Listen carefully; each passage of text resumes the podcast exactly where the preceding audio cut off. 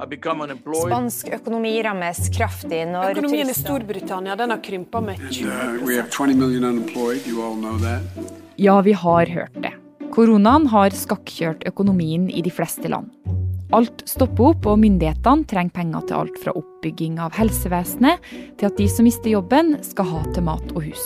Det som har skjedd i verdensøkonomien denne våren her, er helt uten sidestykke i vår levetid. Nå trenger alle land penger samtidig. Men hvor kommer de pengene fra? Og kan verden gå tom? Du hører på Forklart fra Aftenposten, og jeg er Marit Eriksdatter Gjelland. I dag er det mandag 22. juni. Det som er gøy med å forstå hvordan verdensøkonomien henger sammen, syns jeg, er at veldig mye annet som skjer i, i nyhetsbildet, faller litt mer på plass. Så selv om det er mye som kan fremstå litt sånn tørt og komplisert, så er det veldig gøy når man begynner å forstå hvordan ting henger sammen. Hanne Kristiansen er journalist i Aftenposten og E24, og som du kanskje skjønner, så er hun god på økonomi. Men noe sånt som det som skjer i verden nå, det har hun ikke vært borti før. For det første så har man sett en kollaps i økonomisk aktivitet som er eh, spektakulær både i fart og omfang. Men man har også sett en helt ny vilje eh, fra staten, eller statenes side til å bruke penger for å løse krisen. Korona har siden januar spredd seg fra land til land. Og for å få bukt med sykdommen så har mange land måttet stenge ned. De har satt ned forbud mot store folkemengder og satt folk i karantene. Med stengte restauranter og frisører, forbud mot reising og avlyste konserter, har det blitt litt vanskelig å bruke noe særlig penger. I starten så fikk man det som heter et etterspørselssjokk. Eh, Kjøp av varer og tjenester gikk da ned, og det rammer omsetningen til bedriftene. Det betyr at det også ble vanskelig å tjene penger. Så fikk du også et tilbudssidesjokk, som handler om at verdensøkonomien er bygd opp av lange og komplekse verdikjeder. Sånn at når en, en fabrikk i Kina måtte stenge ned, så kunne det få konsekvenser for produsenter og leverandører helt andre steder i verden. Bedrifter og selskaper fikk rett og slett ikke laget de varene og tjenestene som de lever av, da. I tillegg til alt dette her, så fikk du også oljeprissjokket. Fordi at når den økonomiske aktiviteten faller så drastisk, så, så minsker også etterspørselen etter olje. Eh, Og de tre sjokkene samtidig, det har fått brutale konsekvenser for verdensøkonomien. Så hvor ille står det egentlig til med økonomien i ulike land i verden nå, da? Det er ingen tvil om at særlig i april og mai så veldig mørkt ut. Eh, Verdensbanken kom nylig med et anslag eh, hvor de tror at verdensøkonomien kommer til å krympe med 5% i 2020. Er det masse? Det er dramatisk. Det er veldig mye. Det tilsvarer eh, faktisk mer enn hvis man hadde tatt hele Japan ut av verdensøkonomien. Så hvordan påvirker det her meg? Dersom du har eh, stabil jobbsituasjon og lån, f.eks. boliglån, så vil eh, ironisk nok situasjonen ha bedret økonomien din eh, på kort sikt, fordi at eh, rentene blir lavere og lånet blir billigere å betjene. Men hvis eh, den usikkerheten man har sett nå i vår vedvarer over lang tid, så kan det få negative konsekvenser for både arbeidsmarkedet og boligmarkedet kan bli mer ustabilt og uforutsigbart, og det er det jo ingen som vil tjene på.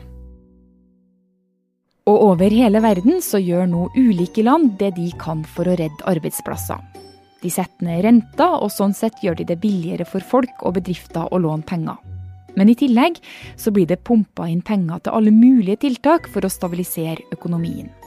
I Norge er tallet noen hundre milliarder kroner, i Kina er det snakk om billioner, i USA trillioner.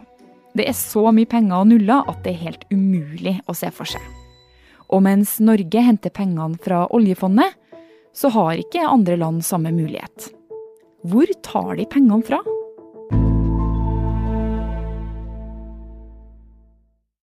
Når jeg sier penger, hva tenker du på da?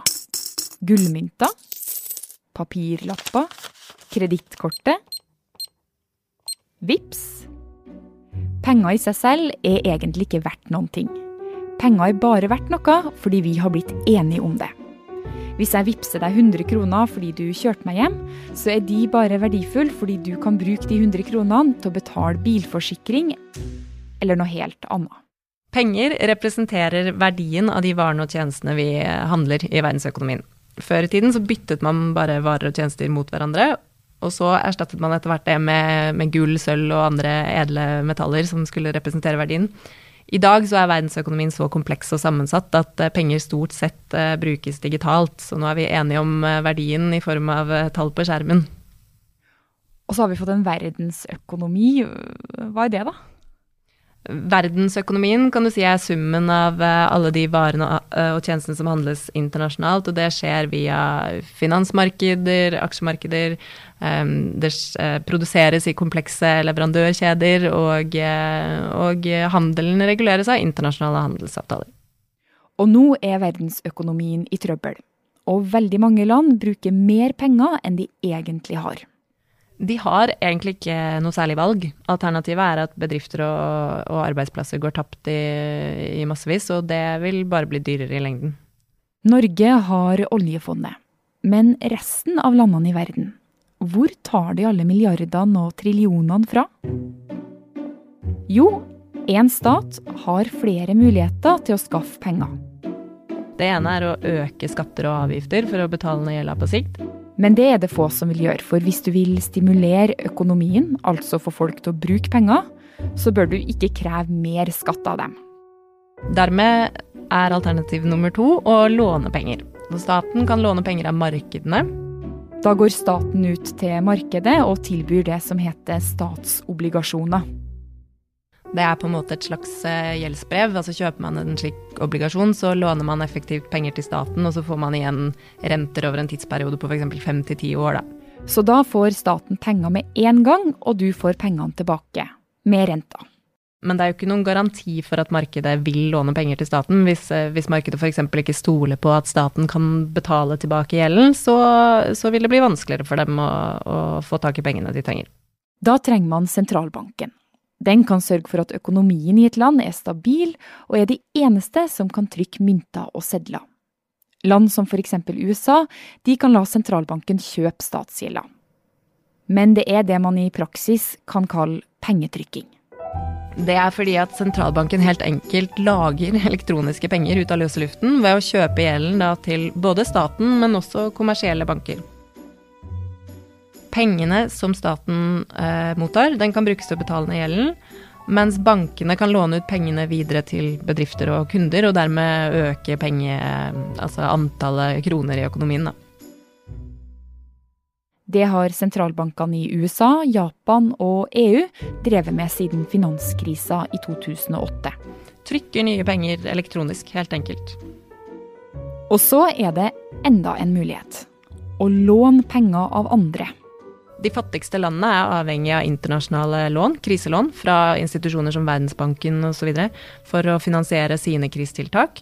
Eh, mange økonomer og eksperter snakker nå om at rike land etter hvert kommer til å bli nødt til å skrive ned mye av den gjelden. Altså inngå felles avtaler om at gjelden skal slettes da, eh, til en viss grad for å sikre at ikke de økonomiene som ikke har tilgang på billig kreditt eller, eh, eller, internasjonale lån uh, i stort omfang, uh, ikke skal gå konkurs, rett og slett. Men hvis det går an å bare trykke opp penger, hvorfor gjør ikke de fattigste landene bare det? Det funker ikke helt sånn for fattige land. Det som er fordelen til USA, er at eh, dollaren kan brukes så mange andre steder i verden. Så dersom eh, det pumpes flere dollarer ut i verdensøkonomien, så er det alltid varer du kan bruke de dollarene på. Mens hvis et land som Senegal f.eks. hadde trykket opp en masse senegalesiske frank som ikke har verdi utenfor landets grenser, så risikerer man bare å, å eh, såkalt devaluere den valutaen, samtidig som man får høy prisvekst og etter hvert kanskje hyperinflasjon i det landet. Så Hanne, nå når verden bruker så mye penger, kan vi gå tom? I teorien, nei. Man kan fortsette å trykke penger digitalt så lenge man vil, men utfordringen er jo at man kan ende opp med penger som til slutt ikke er verdt noen ting. Og det er det som kan skje i land som trykker mange penger som ikke har noe verdi noe annet sted i verden. Hyperinflasjon. For å skjønne det må vi innom vanlig inflasjon.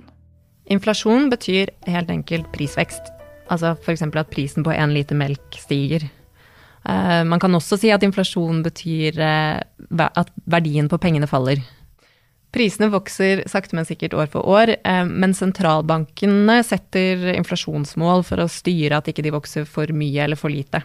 Det betyr at hvis prisen for en liter melk i Norge er 20 kroner, så får vi ikke mer melk av å trykke opp penger.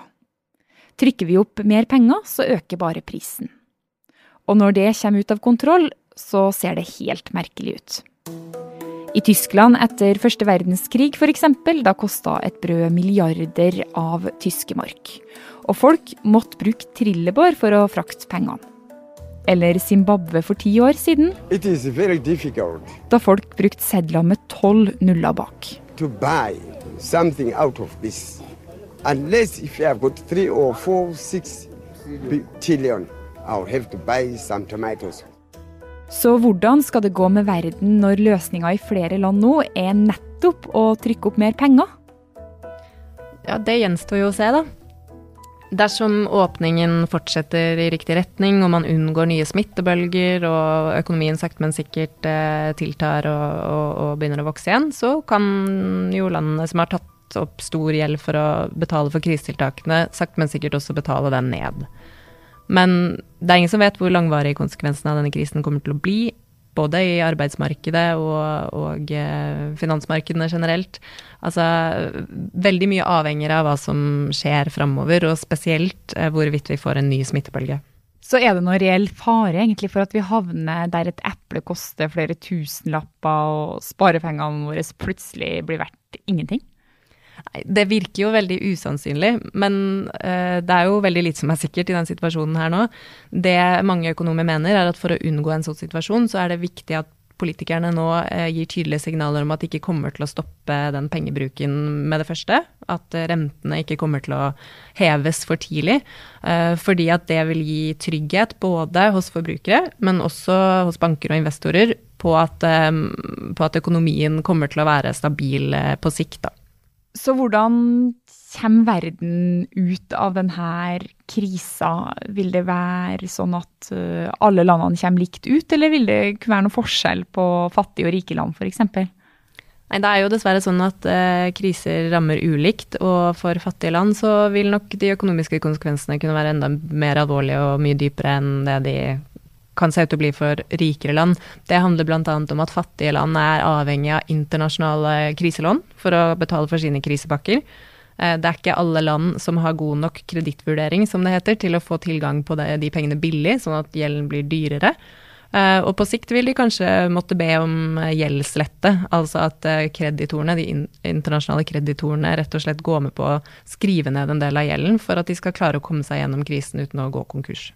Så her i Norge så er vi ganske heldige da, som har et uh, oljefond å, å, ta av og verken trenger å trykke opp uh, mer penger eller uh, låne veldig mye av andre.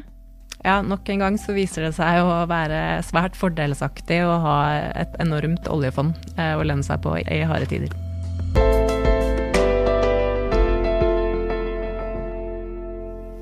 I straffesak for Eirik Jensen. Økonomisk trøbbel er langt fra det eneste i nyhetene om dagen. Blir dømt for brudd på straffelova 1902. Før helga så ble den tidligere politimannen Eirik Jensen funnet skyldig. Han ble dømt for grov korrupsjon og medvirkning til narkotikakriminalitet. Hvilke konsekvenser får dommen, og ikke minst, kan vi stole på politiet etter det her? Det hører du mer om i morgen. Forklart lages av Caroline Fossland, Fride Næss Nonstad, Anne Lindholm, Andreas Bakkefoss og meg, Marit Eriksdatter Gjelland. I denne episoden har du hørt lyd fra nyhetsbyrået AP, NRK og VGTV.